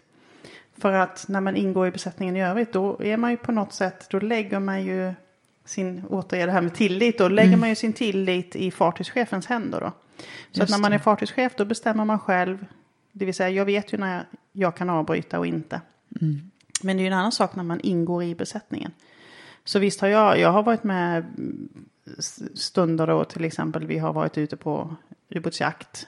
Alltså en skarp insats och vi har ja, haft ett larm om sjunkbombsfällning och så vidare. Vi har stått uppe på halvdäck och varit beredda att kasta i sjunkbomber och sådär. Och, det, Ah. och det, var, det var rätt så hetsk stämning egentligen Mm. under, under de tillfällena. Där man, det är många tankar som går genom huvudet då just då faktiskt. Och var, då var du chef? När Nej, här? då, just, var du den, inte just det. den där, nej, Mm. just den där tillfället jag tänkte på, då var jag Nej. faktiskt bara Fänrik då. Ja. då. När man är ute på en skarp insats och, Så och då- ska genomföra då kunde du sjunkbombsinsatsen. känna att ja, den, det här där, nu är det riktigt det var en riktig pulshöjning. skarpt. Men jag Mm. hade pulshöjning alltså som fartygschef också då. Mm. Det hade jag. Vi, vi hade ju som sagt incidenter som, som hände. Och det är klart att det var absolut Mm. pulsför. Men, men rädd kände jag aldrig då. Utan jag kände bara en otrolig fokuskänsla. Men, Mm. men rädsla har jag ju känt i andra tillfällen. Men det är, på något sätt är det så att rädsla och att inte ha kontroll. De hänger ihop. Mm. Alltså har man kontrollen och man kan styra. Då tror jag rädslan inte finns där på samma sätt. Ja, och, det, och det är det du känner att du har då? Ja, precis. Det, och då tänker jag så här, då är det tillit till din egen förmåga, om vi nu pratar ja, tillit då. ja, men det är väl lite grann så. Ja. Och det, det, det där handlar ju om, i sin tur om kanske ditt självförtroende och självkänsla från början. Ja. ja, det är det nog. Jag vet på något sätt så kan jag tänka mig att man inte tillåter sig på något sätt att vara rädd. Alltså att man har sånt ansvar. Och då är man tillbaka till det här med lojalitet gentemot andra och så Mm. vidare. Jag tror att man, eh, man har sånt eh, krav på sig själv. Mm. Att eh, det, det är inte läge att vara rädd. Alltså just rädslan. Men sen kan den ju komma såklart ändå. Eh, Det är ju ingen känsla som man bara kan plocka fram och stoppa undan. Utan den, den kommer ju om den kommer. Mm. Men jag tror att eh, man eh, är så fokuserad för att man, man är så lojal mot sin uppgift. Jag vet Mm. inte, det är, det är svårt att förklara. Jag kan jämföra Ja. med till exempel, jag, jag var, när jag ryckte in i lumpen, jag var väldigt ofta sjösjuk. Mhm. Mm. Oj! Ja, ja, när jag gjorde lumpen jag tyckte det var jättejobbigt. Jag satt i radiohytten när jag kräktes så fort det var fy, sjögång. vad jobbigt. Ja, det var fruktansvärt. Man kan undra varför man valde en sån Det känns lite... yrkesväg ändå. Men det där avtog med åldern faktiskt. Och eh, alltså när jag var sekond, jag var, fartyg, jag var sjösjuk då i början och så. Men, men när jag var fartygschef så var jag inte sjösjuk. Då var du inte det? Och jag funderat varför man inte var det. Du tillät dig inte att bli jag det? Tillåt mig inte bli det. Nej men det är ju, alltså mycket sjösjuka säger ju många att det är psykologiskt. Ja. Så. Eh, och det kunde jag ju märka av förut också. Det var att när man hade mycket att göra då blev man inte lika sjösjuk. Utan det var när man började fundera Man började på det. tänka. Och jag tror att när jag var fartygschef där så kunde man hantera det på ett annat sätt. Jättekonstigt. Vad, fo- Ja. ro- roligt liksom. Ja. Det kanske är så att man har sånt fokus Ja. på, på uppgiften och så. Sån otrolig ansvarskänsla där. Men skulle, skulle du säga att du ha, hade liksom bra självförtroende redan från början eller är det någonting som har vuxit? Jag vet inte om jag har så bra självförtroende egentligen. Nej, jag vet inte. det. Nej, jag vet inte riktigt det. Jag tror att jag har väldigt bra koll, bra koll på mig själv. Det tror jag. jag. Mina egna liksom, känslor och vem jag är. Jag känner mig själv väldigt, väldigt väl. Men sen självförtroendet, alltså sådär. Att, att, på något, inte kaxig ska jag inte säga, men att man... Den är nog inte lika stark. Nej. Det är nog många som tror det. Jag, jag tror nog att många tror att jag har bra självförtroende. Men det tycker inte jag själv Men att jag egentligen har. kanske inte är så. Nej, jag tror att jag är... Jag, jag klankar nog rätt mycket på mig själv. Sådär. Det tror jag. Ja. Men jag tycker också att det är... Jag vet inte, man, man skulle kunna kalla det för ödmjukhet. Man skulle kunna kalla det för dåligt självförtroende eller vad det än är. då, Men jag tycker att det är viktigt att man... Eh, är man chef och ledare så tycker jag det är viktigt att man tittar sig i spegeln många gånger i veckan. Och ställer sig frågan, hur uppfattar andra mig? Ja, just det. Den tycker jag är viktig. Inte bara hur jag vill bli uppfattad eller hur jag uppfattar mig själv. Alltså, utan just att verkligen ställa sig frågan, hur uppfattar andra människor mig? Mm. Titta sig själv och liksom rannsakar sig Ja, själv. då, precis. Ja. Gör du det ofta? Ja, Alltså? det gör jag faktiskt ofta. Efter möten och så vidare. Liksom sådär. Gick alla utifrån mötet och fick det som de tyckte de skulle få, få och så vidare. Ja, jag kan, sånt där kan jag sitta och fundera Ja, men på. det är ju ett sätt att ständigt också utvecklas. Mm. Det där brukar jag säga, att man liksom får aldrig sluta vara nyfiken Nej, precis. på vare sig själv eller andra. Eller andra, nej. nej. Ja, då, då, då händer, fortsätter man ju utvecklas liksom. Mm, vad coolt. Mm, det är bra. Och sen så, som sagt, man får ju inte vara så... Eh, man får inte ta sig själv på så här vansinnigt stort allvar.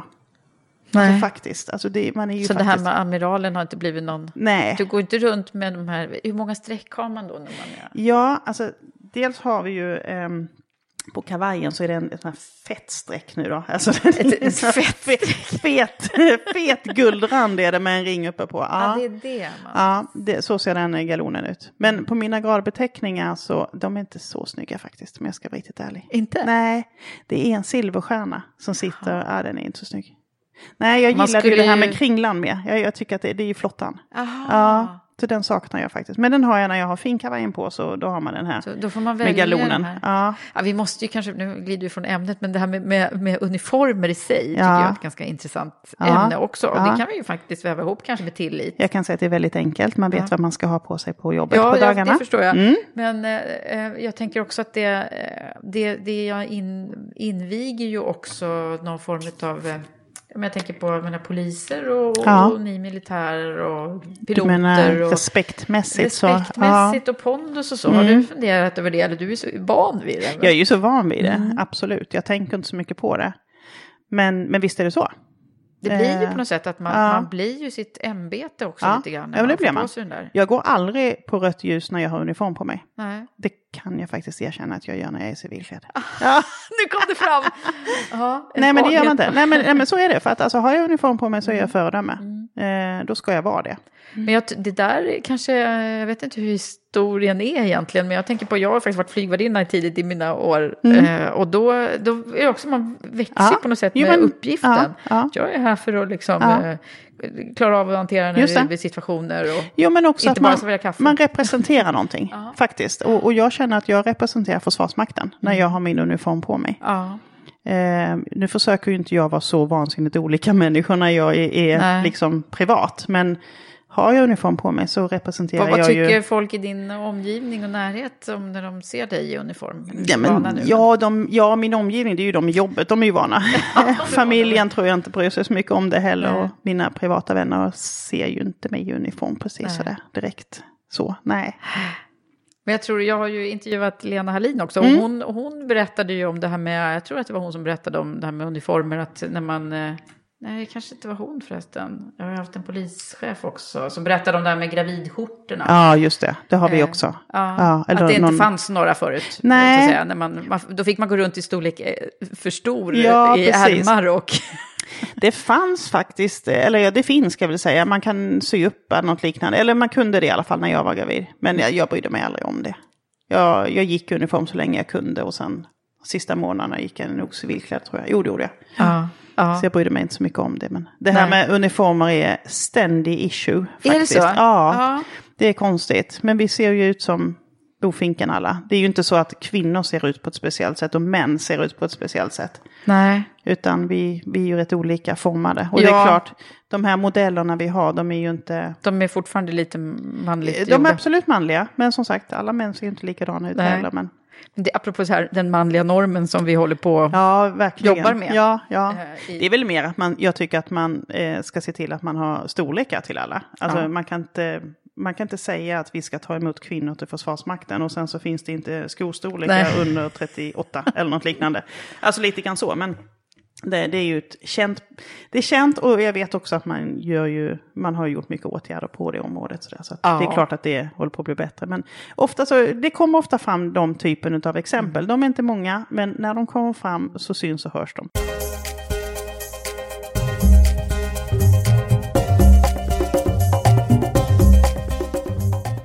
Men finns det andra exempel på med, som, som ni jobbar med, liksom, rent kulturmässigt och så? Tänkte du på just det här med kvinnor Ja. och män? Mm. Ehm, ja, alltså Försvarsmakten har ju och har haft egentligen hela tiden ambitionen att vi ska bli fler kvinnor. Mm. Ehm, och man har gjort olika sorters försök på att få fler. Och jag, jag kan faktiskt inte själv sätta fingret på varför inte fler kvinnor söker sig till Försvarsmakten. jag kan inte det. Du kan inte det? Nej, för dig har det varit så självklart Ja, och jag början. tycker att det är ju ett drömjobb. Alltså Mm. allt ifrån det här som jag säger med att det, det var kul och häftigt en gång i tiden till det här med Sverige och försvara alltså vår demokrati, våra värderingar. Mm. I hela den skalan så ligger det ju så otroligt mycket mer. Mm. Det ligger det här med alltså, egen utveckling, Mm. eh, hur, vad du faktiskt alltså, tillför till samhället. Du får lära dig otroligt Mm. Kompetensutveckling, mycket saker. låter det ju som. Du får jobba med alla sorters olika människor. Så det, det finns ju så vansinnigt mycket i Mm. att jobba i Försvarsmakten. Mm. Och det är ju inte ett sorts jobb. Det är ju Va- hur många jobb som helst. Så jag, jag tycker synd att inte vi lyckas attrahera fler. Eh, att tycka att det här verkar spännande. Mm. Men kan det inte vara det här med att, eh, det är jättebra att du är med i Karriärpodden nu till exempel, Nej, Ja. men alltså att man eh, på något sätt belyser och tar bort på lite, lite myter, gamla myter Ja, som fi- finns ja. kvar och sen tänker jag också att kommer det en eller två eller tre eller ju fler Mm. det kommer desto lättare blir det att de andra kommer. Så Så, är är, det. det i alla fall i andra organisationer. Att Absolut. tillsätta en kvinnlig chef så brukar man kunna se att strax så är det flera i att det kommer fler, ja. ledningsgruppen och så. Mm, mm.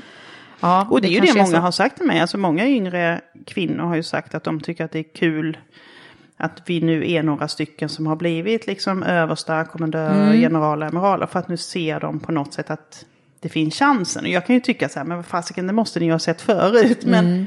men eh, jag, jag har, det har jag förstått nu de senaste två, tre åren. Mm. Att det där är jätteviktigt. Ja. Det har inte jag riktigt förstått innan. Nej. Faktiskt. Jag har inte fattat att jag har utgjort, ska jag säga, ett föredöme. Vad man Nej. ska säga. Ja. Nej, just det. Men du går ju som sagt var i bräschen här nu. får jag förstå det. Ja. Men vi ska också ringa in lite vad du faktiskt gör nu. Ja. För det är ju sedan eh, eh, 2016, eller? Ja, precis. Jag Mm. slutade som, jag var ju flottiljchef då.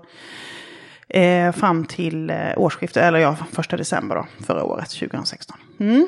Och ehm, så nu så ska jag då, eller ja, så kom jag till Försvarshögskolan och första mars gick jag in i befattning då som, som vice rektor på Försvarshögskolan. Just det, så nu är Försvarshögskolan. Och det, Helt ny värld. Helt ny värld. Ja, och, och jag blev lite så här förvånad här innan, för jag trodde att Försvarshögskolan hörde till, Ja. eh, försvar, att det var liksom typ samma organisation, fast det, det där tror var man en skola. Det låter ju så, eller hur? Ja. Eh, ja, men precis, det tror man ju. Men så är det inte, utan Försvarshögskolan är en alldeles egen högskola, precis som eh, Lunds universitet. Ja, ja. Eh, som tillhör liksom utbildningsdepartementet då. Ja. Men däremot så har vi ju dels uppdragsutbildning. Så vi, Försvarsmakten skickar ju officerare till oss som vidareutbildning. Mm. Men sen har vi också ett uppdrag från regeringen att utbilda officerare, alltså som blir fänrika då. Aha. Och det är då de läser tre år på officersprogrammet. Och sen har vi civila kurser också då, program och kurser. Mm. Så att eh, det är Och- mixad. Och vad gör nu du då som tillsättningen? Ja, som, som rek- vice rektor. Vice rektor. Ja, då är jag ansvarig för all utbildning. Så att vi har en eh, rektor då som eh, är civil. Och sen har vi en prorektor som är ställföreträdande rektor då. Och, Mm. han, eller, och han är också eh, ansvarig för all forskning. Och sen så sitter jag då bredvid honom och är ansvarig för all utbildning. Så det är både Mm. den civila och den militära utbildningen som jag ansvarar för. Ah, och hur mycket studenter? Jättespännande är det. Ja, Ja, det är det. Och hur många är det som går? Ja, det är ju lite speciellt då. då. Man Ja. ska tänka sådana här helårsstuderande. Ja. Så har vi ungefär en 400 civila, lite knappt. Mm. Eh, vi har, eh, vi är ju på ökande här nu på officersprogrammet. Jag kan säga att idag så har jag precis fått siffrorna. Så nu Mm. slår vi all time high nu då på eh, de som har sökt. Och eh, även nu behöriga till officersprogrammet som börjar i höst. Så Mm. Och har det är, så här, då är det ett Ja, det nyckeltal har, det som har är varit viktigt. Mm. lite segt de senaste åren, men, eh, eller förut. Men de senaste åren har det faktiskt ökat nu. Så nu är det återigen då rekord i år. Då. Så det är kul att det börjar komma Vad beror det på då? fler. Ja, det är, antingen är det rekrytering Mm. som har lyckats, eller så är det omvärlden som kanske Börjar få helt upp ögonen? ja, Mm. man börjar förstå att det här är, eller så är det också så att man inser liksom att det här är ett toppenyrke. Och så. Mm. Eh, men vi, har, vi tar in ungefär 150 stycken eh, kadetter varje år. Och de går då i tre år, så där har vi 350 där. Och sen så har vi då övriga militära studerande. Så att man kan säga att totalt på skolan som läser enstaka kurser eller hela program och så, här, så två, två och ett halvt tusen eh, studenter då. Studenter och Mm. Det är studenter. en hyfsat stor Mm. grej. Men det är, nej, ja, alltså det är ju en väldigt liten högskola egentligen om man tittar högskolemässigt mätt. Då, då. Ehm, men den är väldigt populär. De som söker de civila programmen, det, det, det är faktiskt rätt svårt att komma in. Det är en väldigt populär... eh, Vad är populär det för någon, Ja, men då läser program? man eh, antingen kandidat eller magisterprogram. Med krigsvetenskap eller statsvetenskap och så vidare. Sen Ah. finns det ju fristående kurser då. Och det är ju många civila som går de kurserna för att sen gå ut och jobba inom ska jag säga, totalförsvaret på något sätt. Aha, Antingen, det kan ju det. även vara att man går in på och jobbar i organisationer eller, eller i eh, statsförvaltningen eller något liknande. Mm. Gud vad mycket det finns som man och inte har koll på. Så att det, är lite, det, är, det är en häftig arbetsplats Mm. med Försvarshögskolan just för att vi mixar det här civila och militära. Ja, och framförallt nu när totalförsvarskonceptet börjar väckas till eh, Mm. tankarna igen. Det är spännande. spännande. Det är jättekul. Men hur, Mm. hur, vad tyckte du om det här då? Den, att få den här, var det något du sökte dig till eller var det återigen någon som Ja. sa att det här måste du göra? Nej men det var så här att eh, jag hade ju då varit nästan tre år som flottiljchef och då var det dags att byta och jag tyckte att det var lite snålt att jag bara fick tre år. Jag skulle gärna vilja ha ett år till för det är ju, det är ju häftigt att få vara liksom, chef över en sjöstridsflottilj, absolut. Eh, Då är det en massor med fartyg alltså. Ja, man skulle ju vilja tro att det är det, men tyvärr är ju inte flottan så stor. Okej, jag såg framför Men vi kan säga att det är massor med fartyg, men det är inte sant. Nej, hur många var det då? Ja, det var, jag tror att vi hade väl en 11-12 fartyg där. Mm. Så, kanske 13 som mest, men eh, låg väl ofta då mellan 11 och 12 fartyg Mm. totalt. Men det är, det, det är fyra, fem stycken olika krigsförband då som vi hade hos oss. Men i alla fall så, nej men då, då fick jag väl kanske själv börja fundera på vad, vad skulle jag vilja göra. Och jag har alltid tänkt att jobba på Försvarshögskolan skulle jag faktiskt vilja göra någon gång. För jag har faktiskt, när jag, för, framförallt när jag pluggade där senast, tänkte jag här skulle jag nog vilja jobba någon gång. Och jag tycker att det är jättekul att jobba med utbildningsfrågor och jag tycker det är kul att få vara med och påverka hur utbildningen för nya officerare ska, ska se ut. Just det. Mm. Eh, Ja, jag ja ni gillar- massa revolutionerande eh, nyheter där? Ja, eller? det är lite revolutionerande ändå. För att alltså, man, har, man har akademiserat officersyrket. Och, och det gjorde man, eh, det, det är nästan tio år sedan nu då. Men, och det har ju varit en, en, en lång väg egentligen. Och den är ju absolut inte färdig på något sätt. Eh, för mig är akademisering, det är liksom en kvalitetsstämpel på utbildningen. Ingenting annat. Det är Nej. liksom inget konstigt med det. Men vissa tycker kanske att det där har inte med officersyrket att göra. Men det, det tycker jag absolut att det är. Eh, och sen så just det här med att vi ska fortfarande utbilda officerare. Fastän det här är en helt vanlig högskola. Så är det officersyrket och vi ska bli skickliga officerare i vår alltså, profession. Det är det viktigaste. Det är det viktigaste. Mm. Ja, och det ska göras med kvalitet den här utbildningen. Och det tycker jag är lite häftigt. Så när jag sa att jag ville jobba på Försvarshögskolan gärna. Då hade jag nog inte riktigt tänkt mig den här befattningen. Nej. Då var jag ju kommendör, så då tänkte jag att då skulle man ha befattningar som motsvarade den graden ungefär. Eh, men då var det någon annan som tyckte att jag skulle göra lite tester för Mm. att gå vidare i systemet och sådär. Ja, och det, det är så det går till då. då får man göra lite och jag var tester. ju inte jättesugen på det om jag ska vara riktigt Och ärlig. när var det här då? Det var förra sommaren. Var förra sommaren. Mm. Som jag blev uppringd och att de... Och då tänkte jag, tester är ju kul att göra. Mm. Det, är Det tycker roligt. du, ja. ja. det är Ja. jättekul när jag testar. Så tänkte jag, de hoppar jag på. Ja, men så gick det bra och så, ja. Det ena Är det både, är det, är det begåvnings... Det kallas väl för, ja precis, det är såna arbetspsykologiska tester Ja. är det då. Så det är lite intervjuer och så lite Just olika. det, det är sådana som jag har jobbat Ja, mycket just med. det. Jättespännande. Mm. Ja, men det är kul. Mm. Kul att utsätta sig för det där, det gillar jag. Och det är ända sedan, ända sedan mönstringen Ja. då som, som, Ja. som du har hållit på med det. Bli liksom bedömd. Ja. Ja, just det. Men eh, nej, men så blev det, alltså växte det här fram, växte det här fram då. Jag var väl lite tveksam också. Alltså jag, är inte så, alltså, det är åter, jag har aldrig haft någon sån här strävan av att liksom, ja, stiga graderna eller något liknande. Utan, Men har- det har du ju verkligen gjort ja, kan man ju säga vet, vet. ändå. Ja, Och gör ett viktigt jobb, Ja, eh, tror jag. tack. Med tanke på att det är just det här med den första kvinnan också förstås. Du Eva, om vi skulle summera lite grann då. Mm. Dels så, så är det ju det här tillitsämnet Mm. som, Mm. som jag tycker att vi, vi grottade ner oss ganska rejält i det. Mm. Är det någonting vi har missat där tycker du? det tror jag inte. Jag vet inte riktigt. Nej. Kanske jag kommer, när jag själv lyssnar, jag, om jag ska lyssna på det här sen så kanske jag kommer på. Så, Det- varför sa jag inte det, där här? jag komma- Kan du göra sådana tillägg? Det blir svårt i efterhand. Ja. Men, ja, eh, men sen så tänker jag att du har säkert en massa erfarenheter här nu som du vill skicka med. Jag tänker på, alltså det är ju ett, ett tufft ledarjobb som, som du har och har haft. Eh, Mm. vad, har, vad har du för råd och, och så? Dina, summera dina tips, tänker jag. Rent ledarmässigt, ledarskapsmässigt. Ja, eller det kan ju vara karriärmässigt. Ja. Jag är väl, jag vet att många säger så här, man ska bygga sin karriär, man ska sätta upp mål och så vidare. Och då säger jag så här, det kan man göra om man vill. Men bli inte besviken. För att det är så lätt man sätter upp mål och så når man inte dem och då blir man besviken och känner sig lite misslyckad. Jag- Jag sa ju innan att jag hade bara satt upp mål en gång i livet. Det var när jag skulle gå på officershögskolan. Eh, jag är lite grann mer så här, jag säger ja till allting.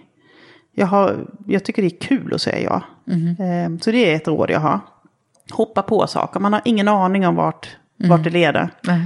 Det värsta som händer är att man får hoppa av och så får man gå tillbaka. Men vågar man inte hoppa på olika saker som man kanske bara egentligen halvtror på så det händer ju ingenting. Nej. Så det är väl lite grann händer så. det. Ja. Våga, våga säga ja och våga hoppa på liksom så. Sen får man väl ångra sig sen då. Det är väl inte hela världen. Ja, just det. Och sen just det här också att man vågar visa sin sårbarhet. Alltså, Mm. oavsett vilken position man sitter i. Mm. Eh, vi har en ÖB idag som är Ja. otroligt eh, tydlig. Eh, jättebra. Vågar liksom, vågar vi, alltså han är, ja. Mm. Och den, jag tänker på den förra ÖBn också. Ja, han vågade absolut. också visa sin ja, sårbarhet. precis. Ja, Som berättade om när han hade gått just in i väggen. Precis. och så. Och sånt där är, det är väldigt viktigt. Att vi har den typen av ledare. Så att. Alltså ta bort allt det här med prestige och fasad och allting. Mm. För att jag menar, det är, vi är bara människor. Och vi gör massvis med fel. Men är, är det här ändå, eh, har det alltid varit så? Eh, att, att, man, att det har varit okej att visa sin sårbarhet Nej, i gud nej. Nej, det har det ju inte. Nej, jag Utan tänker det jag- måste ha hänt väldigt mycket på den Ja, här det tror jag. fronten. Ja, absolut. Alltså dels är det ju väldigt svårt att, vara eh, osårbar idag. Mm. Alltså hela samhället är ju väldigt transparent på något sätt. Det är ju, Mm. Alltså som till exempel att vara politiker idag. Du är extremt synad jämfört med till exempel på 70-talet. Så mycket man kunde komma undan Mm. Ja, med. För att det fanns verkligen. inte den här mediala, liksom, och Ja. sociala medier och sådär. Så att jag tror att det är ju det är mycket svårare idag att komma undan. Mm. Vilket jag tycker är bra. Alltså jag, jag tycker att det är positivt.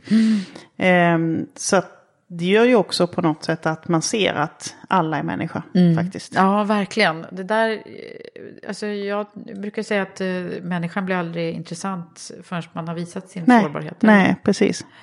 Mm. Faktiskt. Mm. Och det är ju många som tror att man, eh, när man ser andra människor att de är så lyckliga. Mm. Alltså det är så lätt att man lägger på något sätt, man skapar en uppfattning om människor Mm. som faktiskt inte alls stämmer. Då, Nej, precis.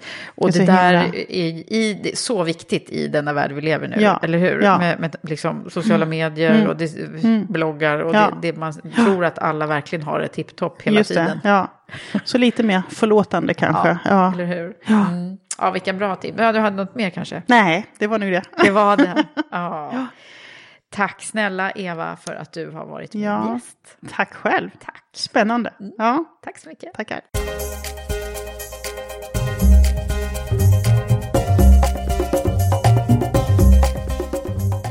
Så här efter vårt samtal tänker jag att vad lättsam och trevlig hon är, Eva. Det kändes bra att prata med henne.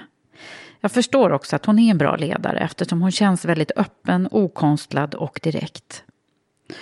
Det känns stort och jag förstår att det måste vara en lite märklig känsla för henne ibland att tänka på att vara den där första kvinnan som innehaft en del av de befattningarna hon har.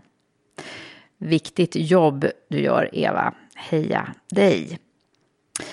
Avslutningsvis, du har väl inte missat att ansökan är öppen några veckor till till eh, topprogrammet Women for Leaders Premium Leadership Program som designas utav eh, våra mest framstående kvinnliga ledarprofiler. Kolla in det på vår sajt womenforleaders.com. Men nu så, ha det nu så bra i vårsolen så hörs vi snart igen. Hej så länge!